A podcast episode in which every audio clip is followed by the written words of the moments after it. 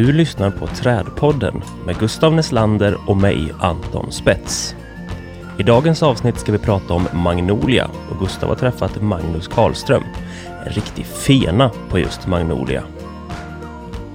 Det här är Trädpodden, en podd om relationen mellan människan och träden.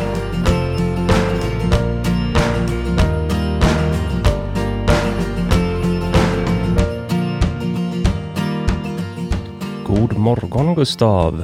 God morgon. Hallå, hur står det till? Ja, det är tidigt. det är tur, Ja, det är tur jag är inte så jättemorgontrött. Nej, det är samma här. Det är samma här. Men det är lite raspigt och det är lite kaffe. Lukt höll jag på att säga, som går igenom radion här. Mm. Det, ja. Ja, det är väl härligt. Jag tycker vi får ju fy- fylliga röster. Det är bra. ja, ja. Jag är fortfarande rädd för att det kommer komma någon talpedagog som bara lägger ner det här. Sluta. Men eh, varför sitter vi här så himla tidigt? För att jag ska till skogen. Ja. Är det Vi jakt, får skylla på är det det. jakt nu igen? Nej, nu får man nästan inte jaga någonting längre. Nej, nej, okej. Så nu är det det här samlandet igen, det eviga samlandet av vedförrådet Mm. som ska fyllas på. Mm. Du är flitig. Duktig. Ja. Jätteduktig. Mm. Visst, visst, visst. Jag tänkte gå och lägga mig igen. Ja, det är helt rätt. Det är helt rätt. Nej, men det är fint. Det är fint att gå i skogen. Speciellt det är någon minus här och solen är på G upp. Mm. Så det är gött. Allt bra sen sist då? Ja, det är bra. Jag, ehm, I måndags så började jag ju ett nytt jobb, så jag har varit där en vecka nu. Så det, Just det. det. är all fokus på det, känns det som. Lära Ja. mig hur det funkar och sätta mig in i alla olika projekt som de jobbar med där. Så det, det. det tar upp min tid helt och hållet.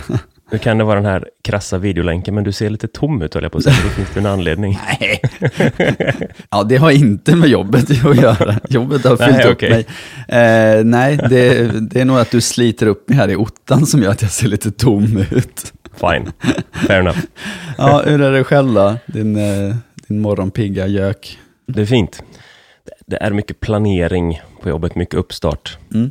Mycket vårpepp faktiskt. Ja, Så det är härligt. Så alldeles strax ska vi riva bort granriset från lökplanteringen till exempel. Löken börjar sträcka sig igenom granriset. Men det, vi kunde inte fimpa det, för det kom lite snö och lite annat bös Mm. för några veckor sedan. Här, så nu rycker man granriset så är det som att rycka sista plåstret för vintern. Mm.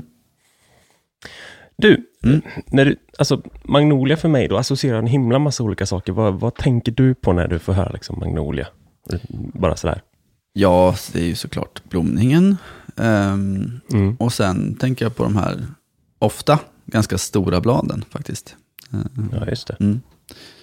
Ehm, Men det gäller ju inte alla arter. Nej, nej. Vad tänker du på? Precis. Ja, alltså, det det är kanske en liten skruvad tanke, men jag tänker liksom inte direkt på det specifika trädet. Jag tänker snarare på en plats faktiskt. Mhm. Ja, som associerad med en låt. Utveckla. Ja, jag måste nästan spela låten först. Så hoppas jag nu att några lyssnare bara, ah, det där. Och så tänker de på en, bland de första helgerna i april. Mm. Och så tänker de på att de sitter bänkade från torsdag till söndag. Och så låter låten låter så här.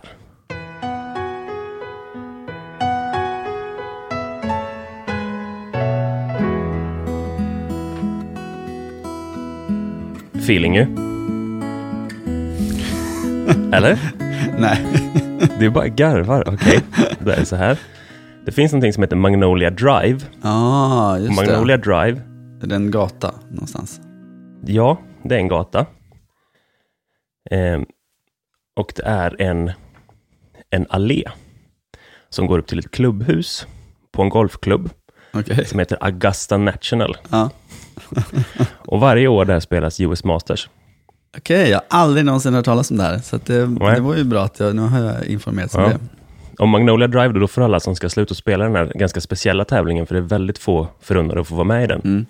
Då får de köra upp för Magnolia Drive Mm. till klubbhuset. Och det är då en allé av magnolor. Ja, jag har inte lyckats säga vilken sort det är Nej. exakt. Eh, jag tror, efter att ha googlat lite, att det kan vara Poppelmagnolia. Mm. All right. Skulle jag kunna tro. Spännande. Det coola med Augusta sen, det är att det från början var en plantskola. Eh, som sen omvandlades till en golfbana, för då man hade tillgång till så mycket land. Ja, Så det gör också att alla hål på golfbanan, på just den här banan de spelar på, på Augusta, har namn efter eh, växter. ja, vad roligt. Så de har ett som heter Juniper till exempel. Mm. Och Magnolia finns ju också då som ett hål, så femte hålet är, heter Magnolia. All right. Och den går då perfekt i april, vilket också innebär att du ser alla azaleer som bara tokblommar.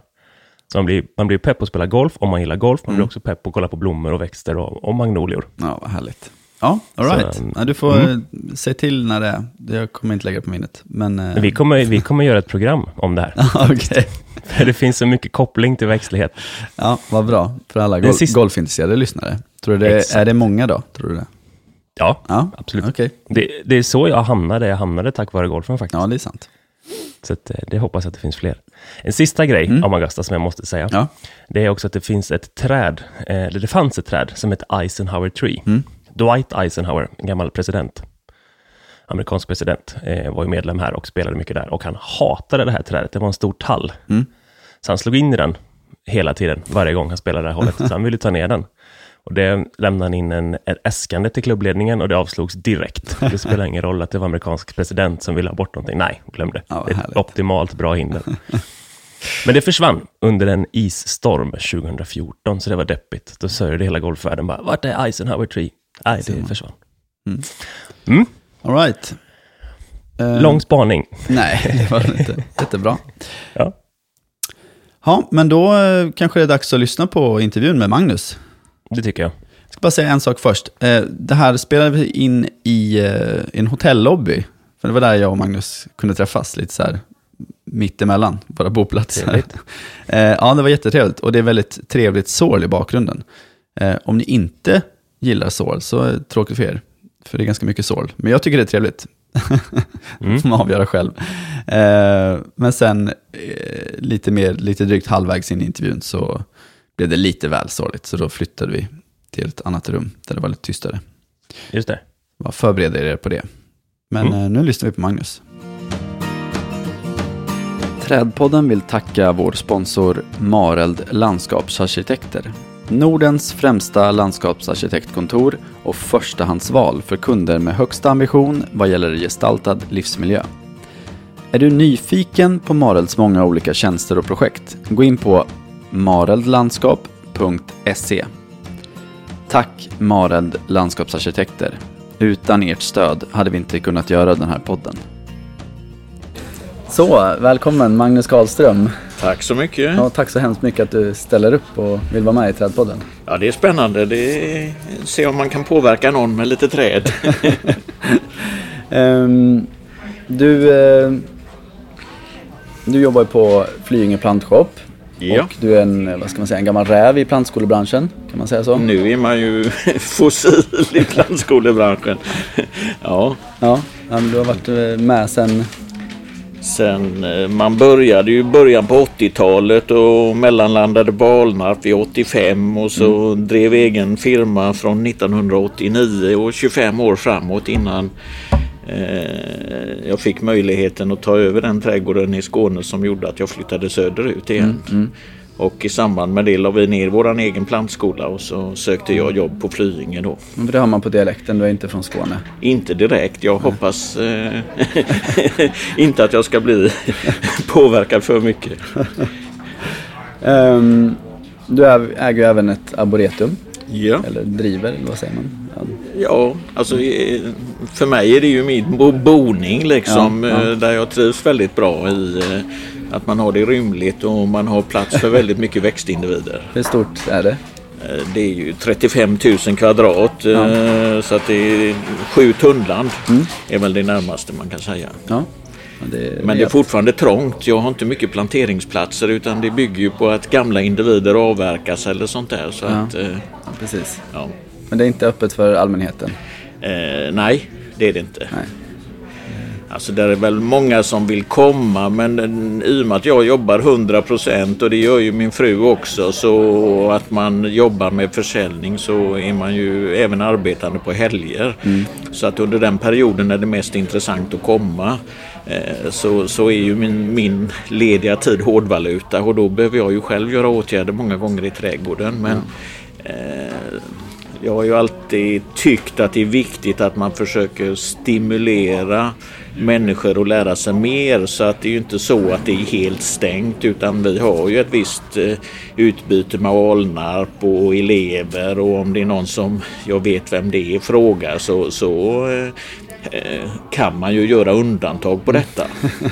Men jag vill inte ha trädgårdsamatörer som kommer för Nej. att då lägger de ut det på, på någon sån där Facebook eller sånt och så vill alla komma. Mm. Ja, så att det, det, är ett dilemma i detta. För... Kanske en dag när du är pensionerad då, kanske det blir mer öppet. jag ska inte pressa dig och lova någonting. Men... jag tog över ett koncept där det gällde att sitta och vara sur i mitten och det, och det har fungerat väldigt bra hittills. Så jag försöker förfina detta. Ja. Men okej, okay, om vi går tillbaka. Jag menar du har jobbat med träd i hela ditt liv mer eller mindre. Har, har du något eh, tydligt minne från barndomen av någon trädindivid eller kanske ett trädbestånd som, som består? Jag är ju uppvuxen i Göteborg, östra stadsdelarna i närheten av Delsjöreservatet och vi hade ju sommarnöje som låg ute mot skärgården gränsade till kan man ju säga. Så att där och vi flyttade därifrån när jag var 8-9 år gammal. Så mm. att, eh, där någonstans 6, 7, 8 år så tyckte jag ju att silverpoppel var mm. fantastiskt trevligt och tycker det än idag.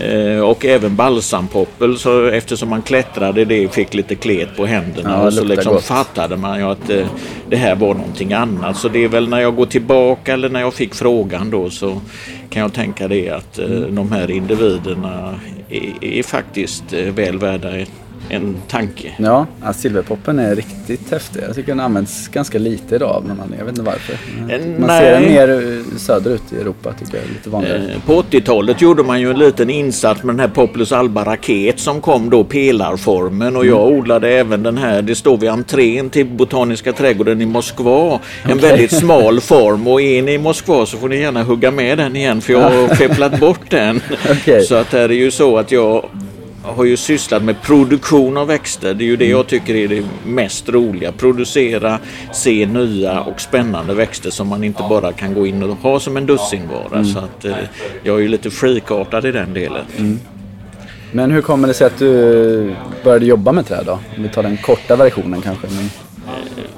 Nej, men I och med att jag har jobbat med egentligen växtförsäljning och har en väldig respekt för, för liksom tidsaxlar och sånt där. Så på utbildningarna så tyckte jag då, om man gått på Vilan och Alnarp så rör man sig i väldigt fina parkmiljöer med väldigt mm. många individer. och det stimulerade ju hela det här grundläggande växtintresset. Jag är ju inte bara trädintresserad utan nej, nej, det, det, är det växter i sig. Men mm eh, träd och lite stora individer är ju alltid intressanta för de är så påtagliga på något sätt. Ja, och sen tidsaspekten som sagt. Att det... Ja, jag tänker ju på det nu. Eh, individer jag sågar ner i min trädgård, de kommer ju aldrig få uppleva den storleken igen. Nej, Därför nej. gäller det ju att återplantera i hög fart och ja. i alla storlekar.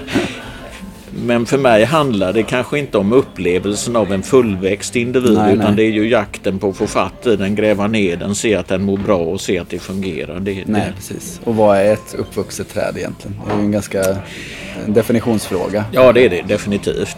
Men det är klart att tittar man eh, om man ska in i en stadsmiljö eller man ska in i en parkmiljö så vill man kunna passera under. Mm.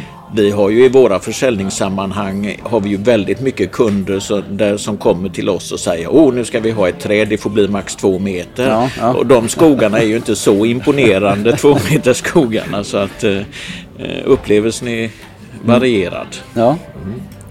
Men det råkar vara så att du, eh, du har ganska speciellt intresse för magnolior. Ja. Eller hur? Ja. ja. Och har jobbat länge med magnolior. Jag har frösått dem aktivt sen jag gick på Alnarp ja. och fick fatt i lite kottar där och Botaniska trädgården i Göteborg har man också varit och plockat frön och sått upp så att egentligen kontinuerligt sen 85 i alla fall. Ja, ja.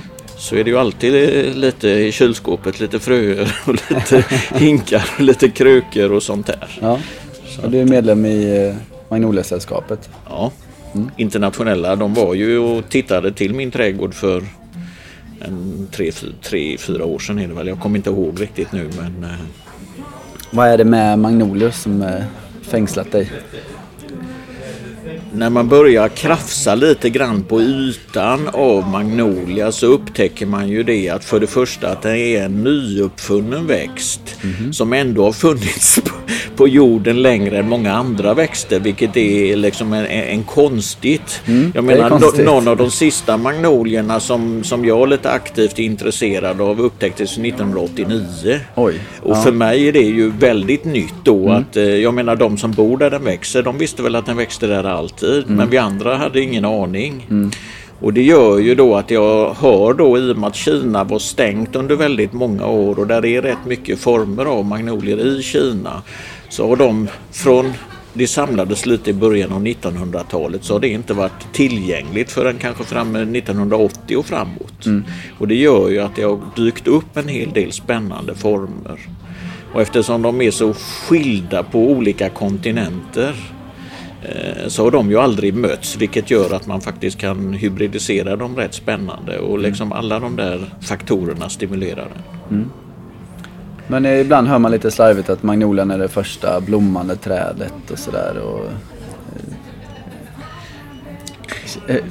håller du med om det? Eller? Man har väl inte riktigt belägg för detta. Man har ju hittat det i fossil så att det finns 100 eh, miljoner år gamla exemplar. Man mm. anser ju att det är någon slags anfader. Mm. Då. De är ju då inte eh, pollinerade av flygande insekter för de är före de flygande insekterna mm. utan det är promenerande skalbaggar och de mest primitiva formerna av växter vi har det är ju egentligen då Eh, vindpollinerade och skalbaggepollinerade. Så att eh, man får nog säga att det är en av de äldsta som, som finns på jorden. Ja, det är ändå riktigt coolt att, att tänka på liksom, att de rena arterna åtminstone är så pass, kan vara så pass gamla. Ja, och det är ju väldigt lustigt. Eh, jag, stötte på en, en, gammal farbror liksom, och så sa han det. Ja, ja, men den är ju skalbaggepollinerad vet du, så att eh, den är ju före de flygande insekterna. Och så, oh, ja. Han hade lite koll på det där och sånt är ju spännande och samtidigt är det ju en utmaning när man pollinerar då. Mm. Nu har vi ju inte rätt baggar i Sverige men även rapsbaggarna och sånt där utför ju pollineringsarbete. Okay.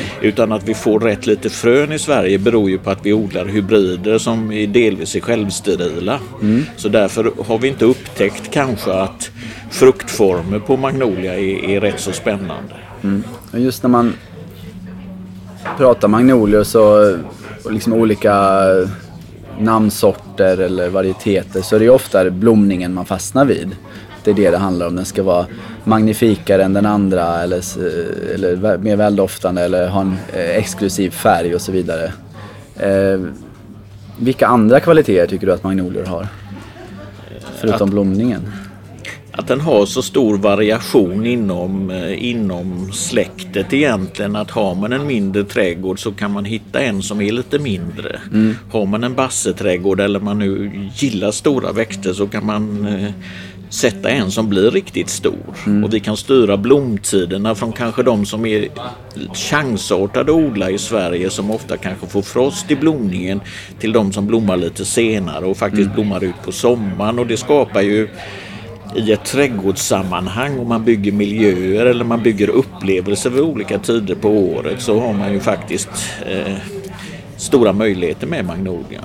Mm. Nackdelen är ju att Lundastudenterna sjunger framför en Magnolia och det är Magnolian. Ja. Resten är någonting annat. Det ska vi säga, det är väl Magnolia X Solangiana ja. som står framför. Ja. Mm. Och den är ju uppfunnen liksom. Det är ju eh, gamle Solange, en, en soldat i Napoleons armé som korsade Lilleflora med Denudata och, och har, så den finns ju inte. Nej, Därför nej. sätter den sällan frö då, Solangiana, för den är ju en som många ser då. Utan en riktigt varm sommar eller det har varit varmt två år i rad så kan man se en del frö, men väldigt mm. sällan då. Så att, eh, och det är oftast den här hybridbakgrunden som gör att det inte får något frö. Magnolia känns som det typiska ändå trädgård eller parkträdet. Eh, vi vurmar ju för stadsträden i den här podden mycket. Tror du att magnolia skulle kunna användas i städerna i större utsträckning? Eh, delvis kan man väl säga. Problemet är ju deras dåliga tramptålighet och att folk är väldigt ovarsamma eller man ska, mm. inte, man ska inte generalisera helt och hållet. Jag tycker att eh, våra parkavdelningar är mycket skickligare idag med bättre personal som är välutbildad och det skapar ju möjlighet för de här sakerna. Men den här ömtåligheten i torktålighet, är det, tål den, eller den tål inte torka. Mm.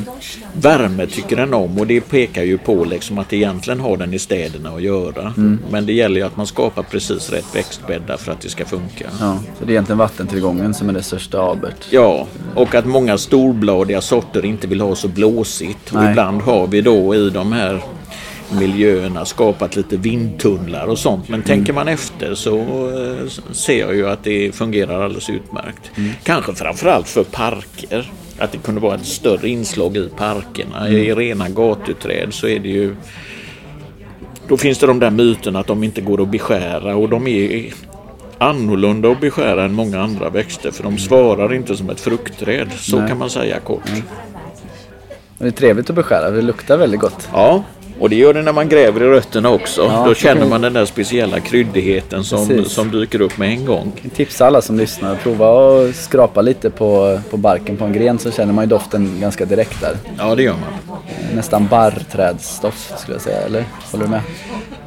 Ja, det är en, jag tror ju det, det är någon slags kryddig mångfald som, som eh, den användes för att avskräcka då både vilt, eh, både i rotsystem och i stammar. Så det ligger väl kvar. Jag tror ju inte att dinosaurierna gnagde på dem men mm.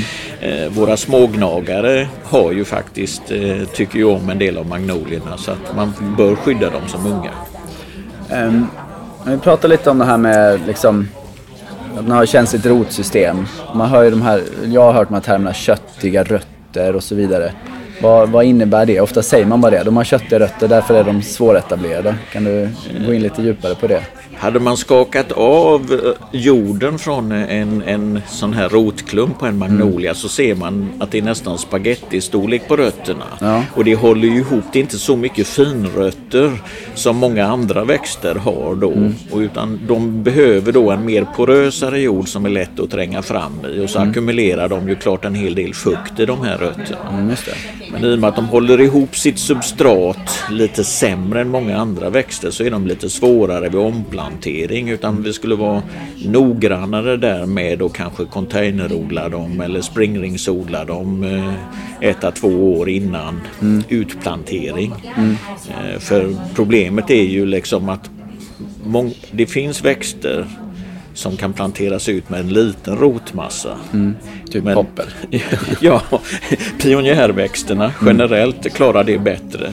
Medan balansen mellan lövmassa, grenmassa, stam och rotsystem är viktigare för en magnolia eftersom den befinner sig så långt norrut. Den är ju liksom fyra, fem eh, breddgrader norr om sitt nordligaste utbredningsområde om vi sätter den i Smygehuk. Ja. um, men är det så svårt då att, att lyckas med Magnolia? Har den fått oförtjänt dåligt rykte? Jag tänker på just eh, privat, privatmarknaden. Det kanske är många privatpersoner som inte vågar plantera magnolia. Ja, men det blir svårt. Det, det, liksom, det blir för mycket pyssel. Vi tar något enklare. Vi tar klotkörsbär i år igen. Nej, jag tycker nog för det första att folk är, är beredda att prova och dessutom har kvaliteten höjts under många år i mm. plantskolorna. Vi tillhandahåller mer lättetablerade exemplar. Mm. Och folk lyckas eh, oförskämt bra med sina magnolier så man kan gott vara lite modigare. Utan det är väl det där när man kommer ut i i rena park och stadsträd när man vill ha storlekar på 16, 18, 18, 20 och större. Mm. Så, så är det inte riktigt optimalt att odla kanske en magnolia till den storleken utan borde sätta sig en mindre storlek och få växa på plats. Ja, ja. Det är min upplevelse av fenomenet egentligen. Mm. För när man efterfrågar de största magnolierna så, så finns de sällan på marknaden. Mm. Och det beror ju på att eh, odlaren tjänar inga pengar på, de är för svåra att odla till de storlekarna ja. och klara dem helt enkelt. Men då är det ju en, en nackdel i stadsträdssammanhanget. För att sätta en väldigt liten magnolia i, i offentlig miljö så riskerar den ju att av slitage helt enkelt inte klara sig kanske. Ja, sen öppnar ju sig marknaden nu eh, med den här gula gruppen är ju rätt så bra för parksammanhang och de Mm. har eh, bra rötter och där finns flera av de storblommiga rosa formerna som mycket väl kommer fungera bra i offentliga miljöer. Så att mängden lämpliga individer har nog ökat. Så Mm. Det, det, det är två nya eh, namnsorter som är på gång. Alnarp och Ingemar. ja, Och de heter just bara det. Magnolia Alnarp och Magnolia Ingemar. ja, just det. Eh, vad, vad är, berätta om eh, framkomsten av dessa. Någon gång på 70-talet så, så inspirerade Karl-Evert Flink eh, då eh, Karl-Evert Flink får du snabbt förklara vem det är först. Man får nästan googla Karl-Evert för eh, en mycket eh, speciell man med stora kunskaper och kanske framförallt inom släktet Magnolia. Och eh, han träffade ju de första personerna i USA som korsade mycket magnolier och han hade mycket idéer om magnolier och försökte inspirera andra. Och då eh, bestämde han, eller bestämde och bestämde, men han föreslog att man skulle korsa Magnolia spränger i Diva med Magnolia acuminata, få med härdigheten i acuminata och så få med den flådiga blomningen i spränger i Diva och detta gjordes och de fröna eh, framstod och så sen såldes de på seed markets då kan man säga Okej. och de eh, såddes upp. Då fick Karl-Evert lite av de portionerna så i Bjuv står det exemplar som härstammar från 70-talet och den ena eh, blev sedermera Magnolia Alnarp och sen står den ett syskon som heter Magnolia Åkarp. Men den blommar mycket mindre men det är en riktig jädra bjässe. Det är en sån där 12-15 metare och kanske en trevligt. 6 meter bred och väldigt speciella blommor. Så att mm, där är ju bakgrunden på den. Men i och med att det är en individ då Alnarp på en 12-15 meter kan man väl räkna med att den blir i alla fall och har en väldigt säregen blomma som börjar i grönt och sen övergår i en mer eh, får en apelsinton till rosa kan man säga. Så den går igenom flera färgstadier. Ja. Eh, Så det är, det är väldigt spännande. Eh, Magnolia Ingmar är ju en, en gulblommande magnolia som inte har de allra största blommorna men håller sin blomma väldigt, väldigt fint och har ett väldigt fint bladverk. Den eh, utvecklar ju nästan ett rött bladverk tidigt på säsongen och det följer med när den tillväxer och blommar vid ung ålder så växer den ju väldigt spikrakt och raskt då så att därför är den ju en individ man kan tänka sig för eh, parksammanhang eller även gatuträd då att blomstorleken gör att den inte blåser sönder och rikligt med blomning och snyggt bladverk under stor del av året. Gör ju den väldigt eh, trevlig. Så det, det kanske är ett framtida ledträd. Eh, Jag tycker den har potential för det, definitivt. Det har den. Ja men vad spännande. Jag hoppas vi får, får se dem någonstans. Ehm, snart i alla fall.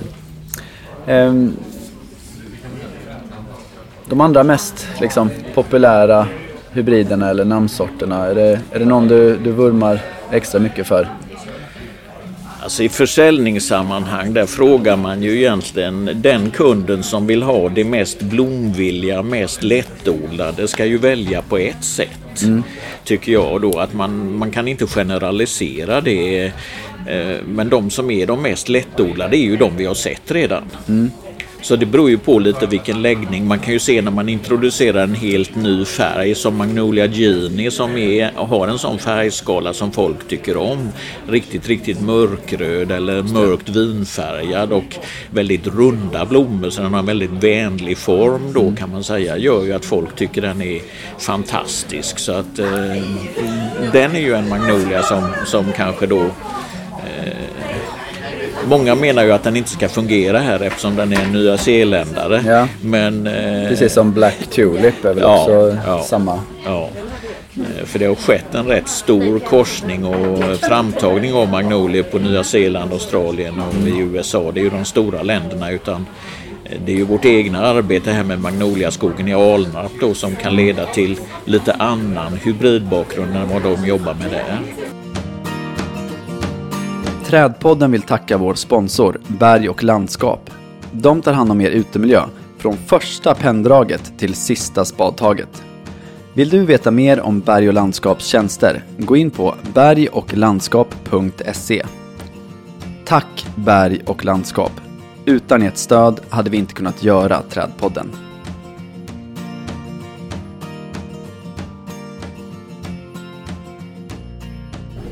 Ja, som ni hörde blev det lite stökigt där i hotellobbyn. Så vi, vi gick och snodde ett konferensrum här. Ja, när det var kände att sålet ökade och trädintresset runt omkring oss var begränsat. Vilket, vilket gjorde att vi fick eh, försöka eh, komma lite mer avskilt. Ja, vi sitter bra här inne nu. Hoppas vi inte blir utkastade. Nej. Mm. Magnolier är ju lite lustiga på det viset att när kontinentalplattorna sprack upp och man, man Eh, fick den geografin vi har idag så gled ju plattorna isär och då gör att det finns kvar lite former av magnolier i USA. Vi har några på Japan och sen är det ju Kinas fastland som rör sig mm. in i Korea. Nu räknar inte jag då tropiska former för de kan nej, inte odla här så Precis. de tycker jag går bort. Det finns i Sydamerika och det mm. finns Indonesien liksom. Men mm. de är magnolier visst ja. Men vi kan inte ha dem. Men det finns inga i Europa överhuvudtaget och mig veterligen inga användbara på den afrikanska kontinenten. Mm. Och i och med att vi har då en 5, 6, 7 arter i Japan, vi har en fem arter i USA och vi har ett gäng i Kina så har de varit åtskilda då och nu när man samlar dem tillsammans så uppstår det ju då spontankorsningar och man kan se de här storbladiga formerna. finns ju då Magnolia obovata i Japan, mm. Magnolia sinensis, nej den heter ju Officinalis i Kina. Ja. Och Magnolia tripetala i USA. Alla ja. är storbladiga, alla har stora blommor men de har ändå lite skiljer sig. Mm. Så att sånt är ju spännande och där har man ju då eh, för Magnoliaskogens skull har vi ju använt olika kontinenter för att korsa. Ska man ha en gul magnolia så utgår man alltid av en Magnolia acuminata för det är den enda som har gult färganlag i sig. Ja. Så att är det en gul magnolia så vet man att det finns någonstans. Mm. Och känner man Magnolia acuminata så vet man att de blir kanske 15-20 meter. Mm. Så det här att man säger att ja, detta är en liten form kan vara en förvanskad sanning. Ja.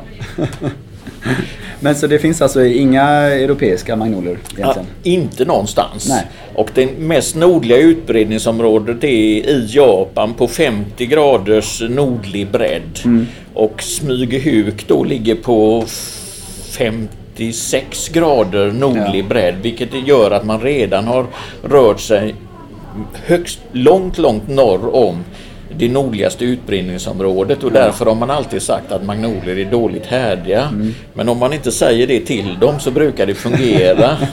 eh, utan det som är vårt problem är ju eh, egentligen att det regnar lite för lite och vi har för kort kall sommar. Mm. Så de utvecklas inte så väl här. Nej, nej, nej.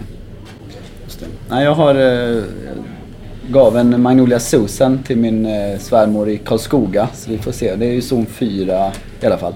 Den har klarat eh, två vintrar nu än så länge. Så vi får ja, se hur den utvecklas. Ja, nej men där Susan har gott gry i sig och är en bra eh, korsning. Mm. Kanske inte den allra festligaste blomman men eh, den är ju blomsäker och blomvillig och mm. väldigt frodig. Mm. Så att eh, det är en bra eh, planta för lite längre norrut. Där är några japaner av Löbneri-gruppen som går bra längre norrut och mm. flera av de gula som också kommer fungera riktigt långt norrut i Sverige. Mm, där det finns faktiskt lite prov på i Dalarna och i zon 4, zon 5.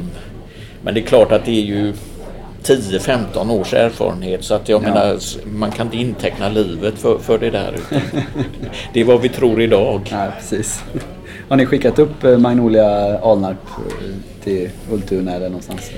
Eh, eftersom sorträttigheterna är sålda där till en plantskola så, så, så sprider vi överhuvudtaget inte den utan Nej. själva idén som vi förhandlade fram med Stångby plantskola var ju att vi ska skänka en allé av Magnolia Alnarp till Alnarp mm. för att ytterligare få lite cred för Magnolia som grupp och kanske stimulera parker och anläggningar och våga använda detta mm. som ett träd. Mm. Sen när detta riktigt blir färdigt så att plantorna är tillräckligt stora att leverera ut, det, det är nog ett par år bort. Men mm. Eh, det är ju själva grundidén och då hoppas vi ju att även Stångby plantskola ska få draghjälp av detta för att eh, det är en mycket säregen blomma och en trevlig blomma och ett, eh, ett mäktigt, mäktigt magnoliaträd. Mm.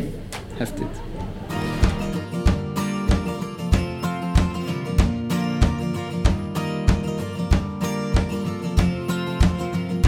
Men eh, jo, eh, du nämnde ju Magnolia-skogen i Alnarp.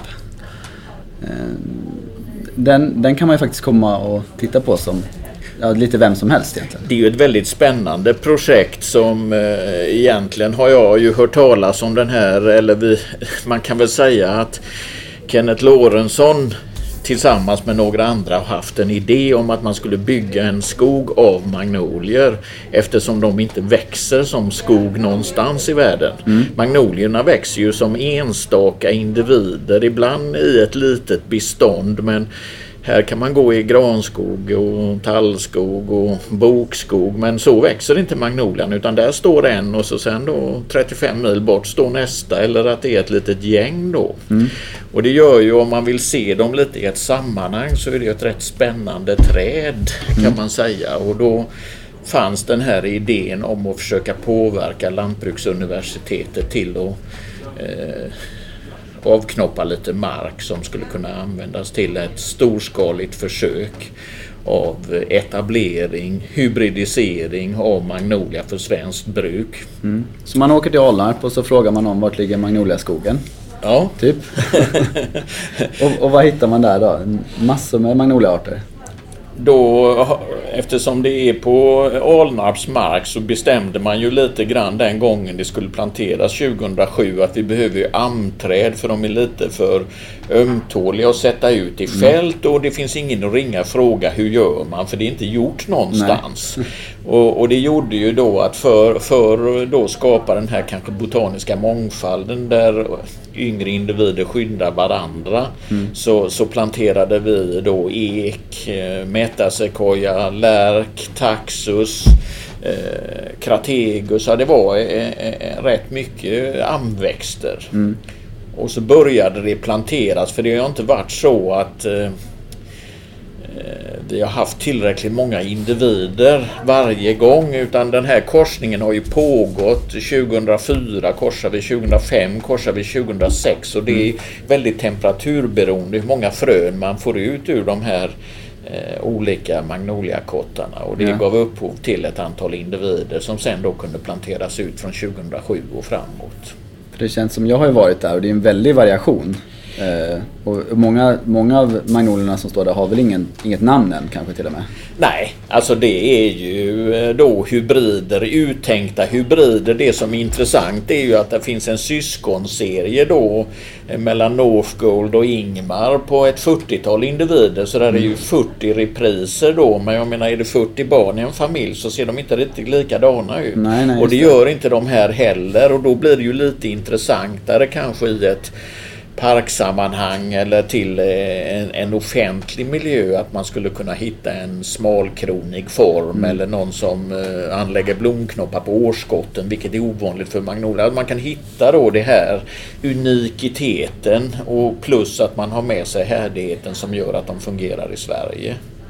Och om man, vill, eh, om man vill maxa blomningen, när ska man åka dit om man vill se så mycket magnoliablomning som möjligt? Där är ju två huvudflor kan man säga. Det finns rätt många som är riktigt tidigblommande där i mars-april och där är ju risk att de får eh, smisk i blomningen mm. helt enkelt. om vi får nattfroster. Ja. Och sen har vi ju ett huvudflor kanske under april-maj. Mm.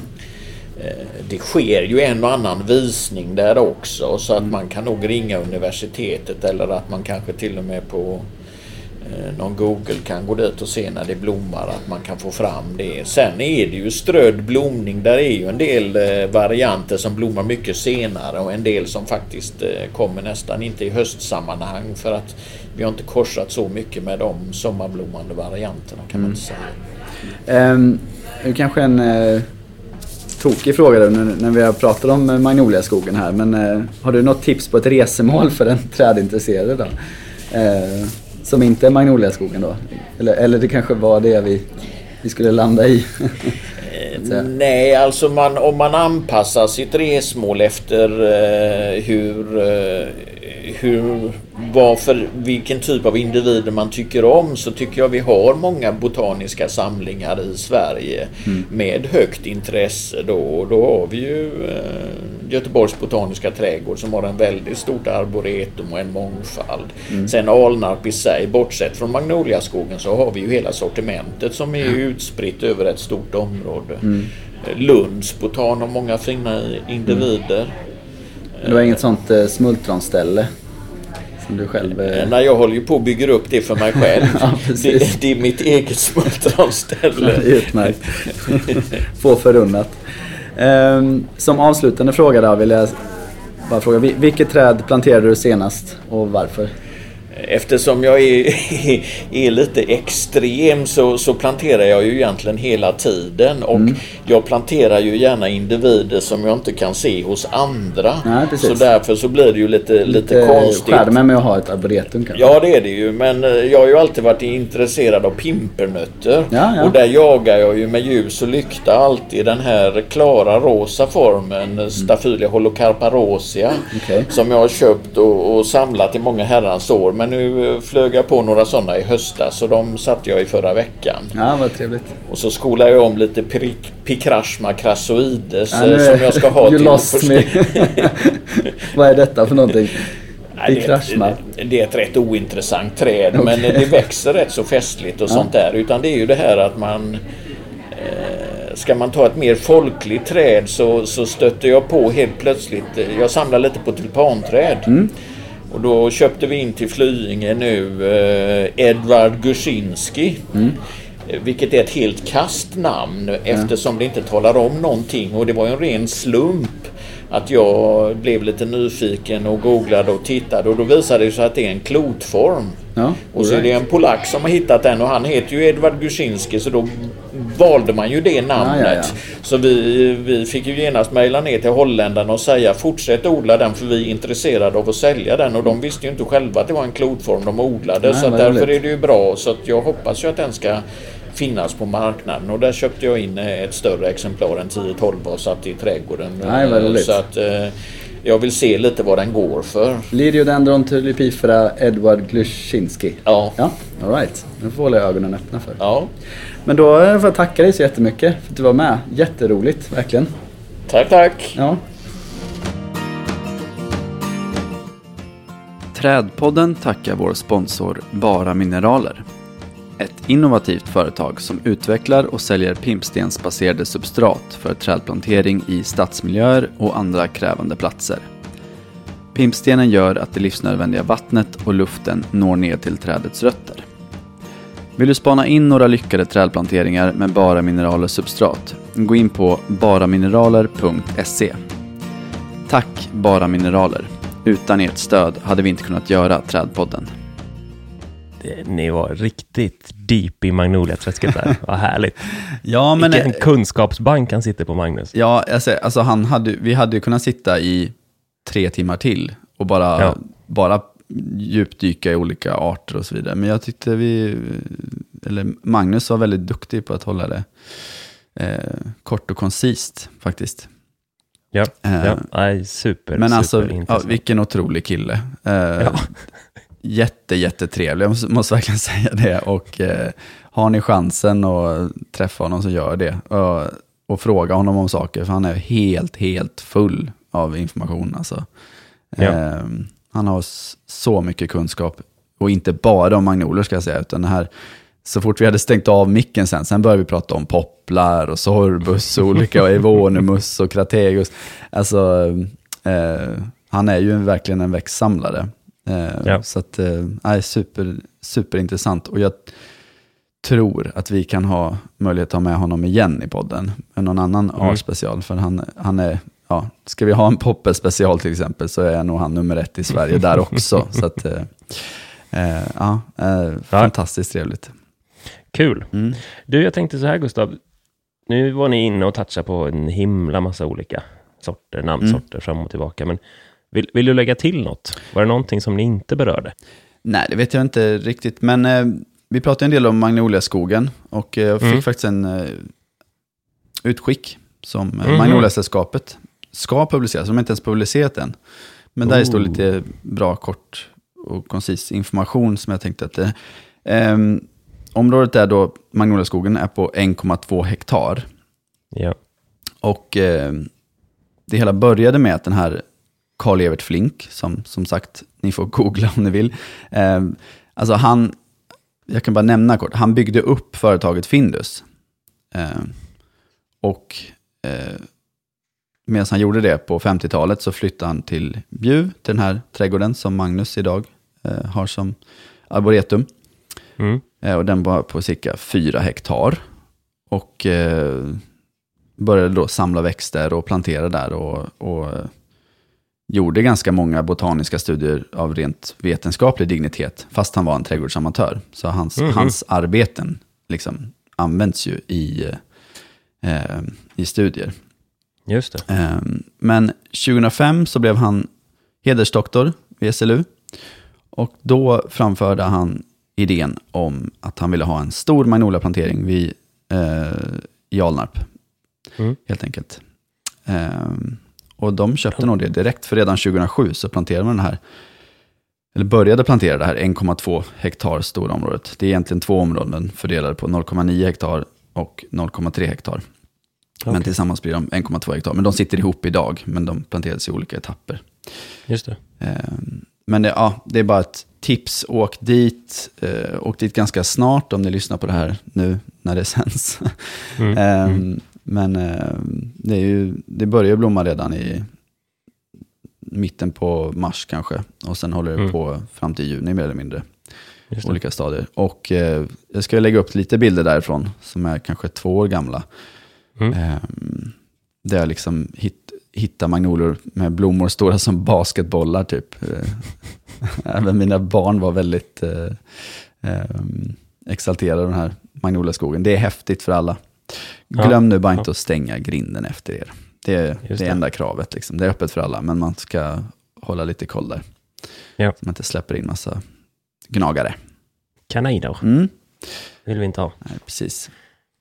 Nej, vet, när anlades Magnoliaskogen sa du? 2007. 2007. Mm. Ja. Jag traskade runt där som student och då tror jag inte riktigt man fattar grejen. Men jag, ska, jag gjorde inte det i alla fall, mm. om jag ska vara helt ärlig. Nej. Jag, men nu fattar man grejen, försöka. för nu är det så gallrat och, eh, ja. alltså redan. Så att det, det, ja, för då var den ju väldigt, väldigt tät, för det var så pass mycket amträd mm. i den för att få, bara få drag i det. Liksom. Mm, precis. Det var akademin tillsammans med Magnoliasällskapet då som precis. beslutade sig för att köra det här. Mm. Och um, Flink ligger även bakom Magnolia-sorten Alnarp. Mm. Magnolia Alnarp helt enkelt. Mm. Eh, det finns ett moderträd som står på SLU Alnarp mm. som är eh, 30 år ungefär, lite mer, 35 år. Mm. 14 meter högt. Ja, de blir eh, stora. Det är, det den, är det den de syftar på att försöka plantera som allé? Eh, ja, ja, precis. Eh, ja. Den förökas ju då av en enda plantskola som har rättigheterna, mm. som vi nämnde i, mm. i, i, intervjun. Jag jobbade ju tidigare på den plantskolan, Stångby plantskola mm. alltså.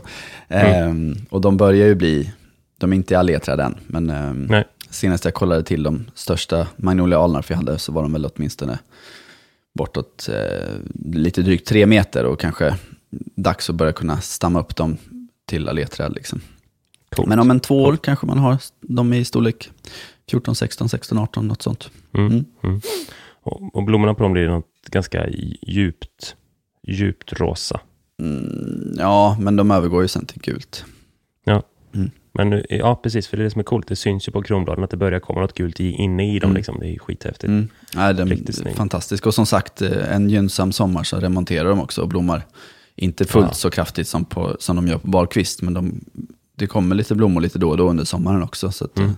så man inte glömmer bort att det är magnolia. Coolt. Coolt.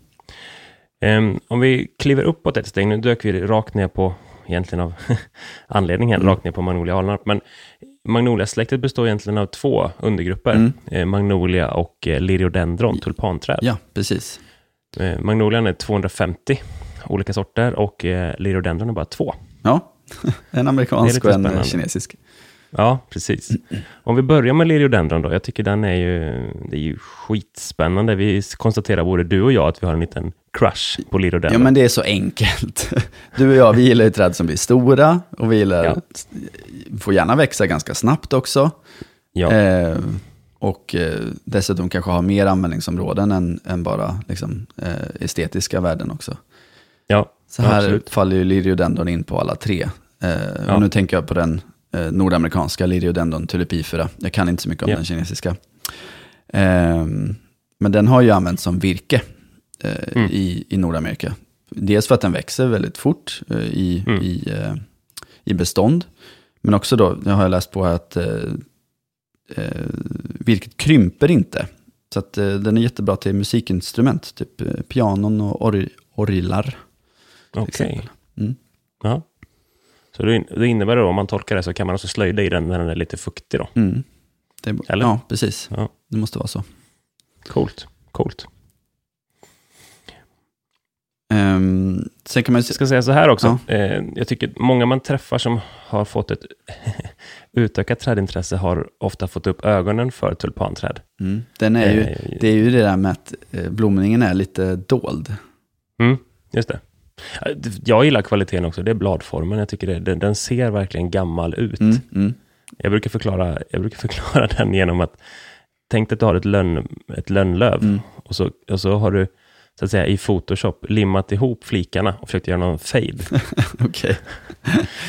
och så korsar du det med ett, som jag tänker mig, ett fotavtryck från en stor dinosaurie. Mm. Eller? Ja, jo, ja, jag kan hålla med, absolut. Um, Nej, men som sagt, de blir stora. Eh, ja. 20-25 meter, inga konstigheter. Det finns ännu större träd. Här i Oxie, ja. där jag bor, eh, i en privatträdgård, står det en flerstammig individ som är mm. lätt 25 meter. Mm. Så det, mm. de kan verkligen bli eh, rejäla. De gillar ju dock tillgång på, eller de gillar en rik jord med god tillgång på fukt. Det ska man ha med sig. Eh, ja. Och får en djup, djup pålrot. Mm. Um, så att uh, trivs ändå bäst i parkmark. Jag tror det är, det är inget typiskt stadsträd, men det kan ju även funka. I och med att de är ganska vindtåliga så mm. bara de får en, en bra växtbädd med kanske mm. ändå tillgång på grundvatten tror jag är viktigt. En stor rejäl växtbädd med andra ord. Ja, precis. Mm. Ehm, mm. men jag kan ta lite om namnet också. Det är ju mm. från grekiska. Där lyrion betyder lilja faktiskt. Och dendron då betyder träd. Så det är liljeträd och på svenska har den fått namnet tulpanträd. Men på amerikanska heter det tulip tree, så det är kanske därifrån vi har tagit det. Ja, just det. Just det. Ja, um, intressant. Men man kan nämna blomningen, det jag tycker är så... Ja, den är lite dold, ofta så blommar den inte jättemycket på våra breddgrader. Och det är ofta Nej. lite så här innanför, man får nästan liksom gå in i kronan och kolla lite. De hänger ju inte ut och det är, det är, de blommar ju sommartid, så det är ju när trädet är grönt. Mm, um, precis. Och, uh, men det tittar man, och sen så är blommorna gröna till en början, så de smälter in väldigt bra. Men sen kommer de här gula och röda inslagen. Som, eh, och, och tittar man nära så ser de ju helt eh, freaky ut. Det är ju verkligen något från en annan tidsera, eh, eller från en annan planet nästan. Ja. Jätte, jätte häftiga. Eh, men jag minns ja. ju då förra sommaren, eh, i och med att de anlägger sina blomanlag redan året innan. Så sommaren 2018 var ju väldigt varm och de eh, tulpanträd som hade god tillgång på fukt då, kunde växa på och ladda på och satsa allt. Så att sommaren 2019 så blommade det ju helt eh, makalöst. I fyra, fem veckor höll blomningen igång. Så det var fantastiskt alltså. Riktigt ja, härligt. Ja, det är grymt. Och jag tycker också det finns ett odlingsvärde eh, hos tulpanträdet, även om det är så att den kanske står högt upp i zonerna och då kanske det betyder att den inte kommer blomma mm. någon gång. Mm. Men just det där att den, är, den vill växa, det är en snygg bladstruktur. Du nämnde frisk innan. Mm. Ehm, det tycker jag gör den, den, den blir också värd, även om man kanske inte kommer uppleva en blomning då. Nej, verkligen. Jag, jag satt den i min egen trädgård och det kanske mest talar om att jag är sugen på att testa allt. Förmodligen kommer jag misslyckas med den här. Ja. Nej, det tror jag ehm, inte. Men då vet jag ju det. Ja, vi får se kanske. Ehm, men det är just det att den kan ta så mycket stryk av de sena frosterna när vi går in i våren. Mm. Eh, och det är det jag är lite rädd för. Mm, får ha en plats där det inte liksom blir så plötsligt varmt, utan där temperaturen är lite mer stabil, så att den eh, hinner. Mitt, nej, mitt problem är tvärtom, det kommer bli plötsligt kallt. Ja, faktiskt. Men um, ja, nej, den, den är värd. Mm. Så springer du på en i en plantskola, så våga testa den. Den blir stor dock, mm. kom ihåg det. Ja. All right, vi lämnar tulpanträdet. Mm. Är det något annat vi missat i, i, i Magnolian? Det finns ju hur mycket som helst. Det finns hur mycket som helst, men vi kan ju ändå nämna de liksom, kanske två vanligaste i eh, parksammanhang. Mm. Eh, den första är Magnolia cobus. Eh, Trädmagnolia. Ja, precis. Eh, härstammar från Japan och eh, eh, den används ju ofta som grundstam till andra magnolior. I och med att den ja. är ganska kraftigt växande och om man vill ha en kraft. Och sen så är den liksom lätt att tillgå, ofta så tyvärr med grundstam, att man tar det som finns att tillgå också. Eh, men Magnolia Alnarp eh, är eh, okulerad på Magnolia Cobus till exempel. Mm. Och Magnolia mm. Ingmar också, likaså. Mm. Men den kan ju bli ganska stor, 8-12 meter, kanske, jag skulle nog säga upp mot 15 till och med på, på sina håll. Och Just grejen med Magnolia Cobus, den har ju lite mindre blad än många andra magnolior, så den är faktiskt inte lika vindkänslig. Den torkar inte ut lika lätt i bladen helt enkelt av, av torra vindar. Med ganska Nej. små, eh, väldigt så vaxartade blad. Ehm. Just det. För det ska ju också sägas, likt tulpanträdet då, så har ju magnolian ganska höga krav på sin växtplats, alltså sin ståndort och sin, eh, kvaliteten på växtbädden. Mm. Eh, det är det sista du ska göra är ju att ha en säsongsplantering under en magnolia. Mm. Eh, den vill ju inte alls få sina rötter störda. De är ju snarare mjuka som fingrar nästan. Mm, precis, så, så det, mycket ska stryk ha ett, av störning. ett stadigt fältskikt som får sköta sig själv, så du slipper vara där och arbeta. Ja, precis. Och det är också det att den, den vill ha en väldigt lucker jord. Mm. Det är också därför de, de sorterna som funkar här står ju i lövskogar mm. i, i Asien, i Ostasien mm. och i Nordamerika. Mm. Och då blir ju fönan väldigt eh, luftig för att den får en stort eh, lager med löv varje år. Precis, men ofta då så vill man ha, och den ska stå solitärt ensamt för att man ska se blomningen. Och det, tyvärr är det ju inte där de trivs bäst, utan de vill ju stå Nej. i ett sammanhang i, i, med kompisar som skyddar den, helt enkelt. Ja, precis. Eh, precis. Ska säga mer om eh, Magnolia cobus, precis som andra magnolior. Eh, inte jättestora krav på pH, det finns ju en myt om att de måste stå surt, men däremot, och det, för det stämmer inte, men däremot så ska man undvika kraftigt basiska jordar. Alltså kalk, eh, jordar med hög kalkhalt är inte att rekommendera. Eh, ja, annars vad ska man säga mer? Eh, vita blommor, mars till april ungefär. Eh, mm. Ganska stor ändå. Men, eh, mm. och sen är det roligt med de här fruktställningarna, för den här får ju faktiskt eh, frukt. Det får inte alla magnolior i och med att många är tetraploida hybrider som det heter och är, eh, är då eh, sterila. Det. Eh, men den här får ju de här knasiga frukterna som får sådana här, eh, hur ska man förklara det? ser ut som små embryon eller något ofta. Liksom. Ja, och kan få väldigt olika former beroende på hur mycket frön de har i sig. Ja, jag tyckte Magnus nämnde kotte va? Ja, ja det heter ju det, just det, det heter kotte. Ja. Och sen så är det så roligt då, för den öppnar ju sig och då hänger de här knallorangea, nästan rosa fröna hänger ut. Det är det. riktigt läckert. Så ja. kolla på det på hösten om ni ser en, en väletablerad magnolia. Um. Jag får lite tankarna kring eh, Jurassic Park och så när de öppnar ett ägg där med något för tidigt eh, dinosaurieembryo. Mm.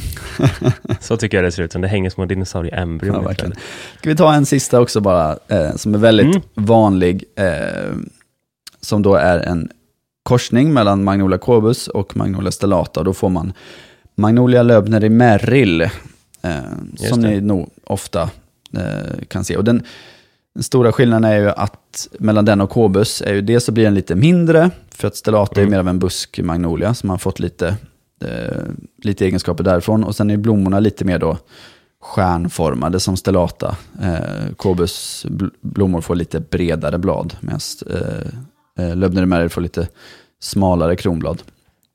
Eh, Merrill är ju en namnsort, så det finns ju fler namnsorter ja, ska vi tillägga eh, inom eh, Magnolia X Löbneri. Leonard Messel, ja, inte Messi. Ja, och det är lite olika blomfärg där i dem helt enkelt. Ja. Eh, men eh, ändå användbar om man vill ha en, en liksom hyfsat tålig, stark magnolia som inte blir alltför stor. Eh, Nej, precis. Den har tagits fram i Arnold Arboretum i Cambridge, Massachusetts, USA, 1952. Mm.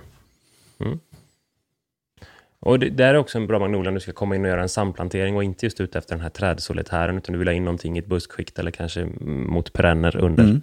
absolut. Så är det en väldigt vettig variant. Eh, har du någon magnolia själv förresten i din egen trädgård? Eh, det har jag, fast jag har inte planterat dem än. Jag fick faktiskt Nej. nu när jag slutade på Stångby så fick jag en otroligt ovanlig magnolia som varken Stångby eller jag har lyckats ta reda på eh, vilka som är föräldrarna. Det är en hybrid såklart.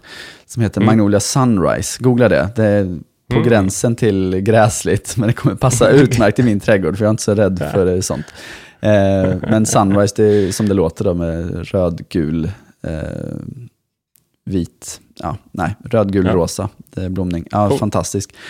Eh, så när den slår ut, den är full med blomknoppar här nu. Jag tittar på den nu, jag har inte planterat den än, men den står ute på verandan nu, i sin kruka. Mm. Eh, när den blommar så kommer jag garanterat ta bilder på den och lägga upp på Trädpoddens Insta. Grymt. Jag har en Magnolia stellata, mm.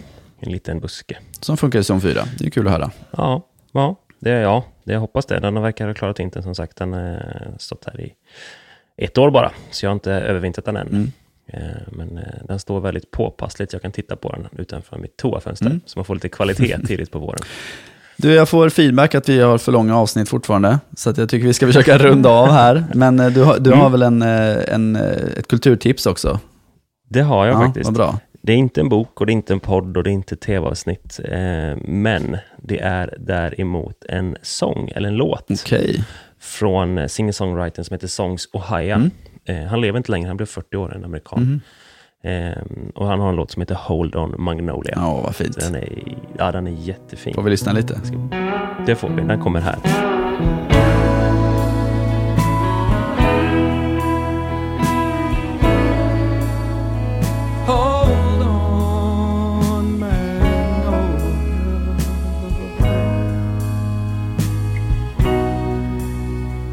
that great Så, in och streama den här för fullt nu alla lyssnare. Så att, eh, mm. vad heter han? Songs Ohio. Songs eh, kolon Ohio. Så att hans, eh, vad blir det, ättlingar då, får lite royalties. mm, precis, den är lång den rackaren ja. Jag tror den är uppåt sju minuter eller någonting. Men den är jätte, jättefin tycker jag. du, det där jag sa om att jag skulle gå och lägga mig igen, det, det funkar nog inte. Som du hör, mina barn är full rulle här i bakgrunden. så det är bara att sätta igång dagen.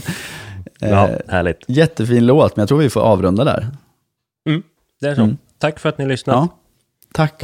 Och eh, ut och plantera magnolior, eller upplev magnolior i er närmsta park. det är alldeles strax säsong för Och missa inte magnoliaskogen nu i vår, för fan. Nej, nej. Ha det bra. Grymt. Hej då.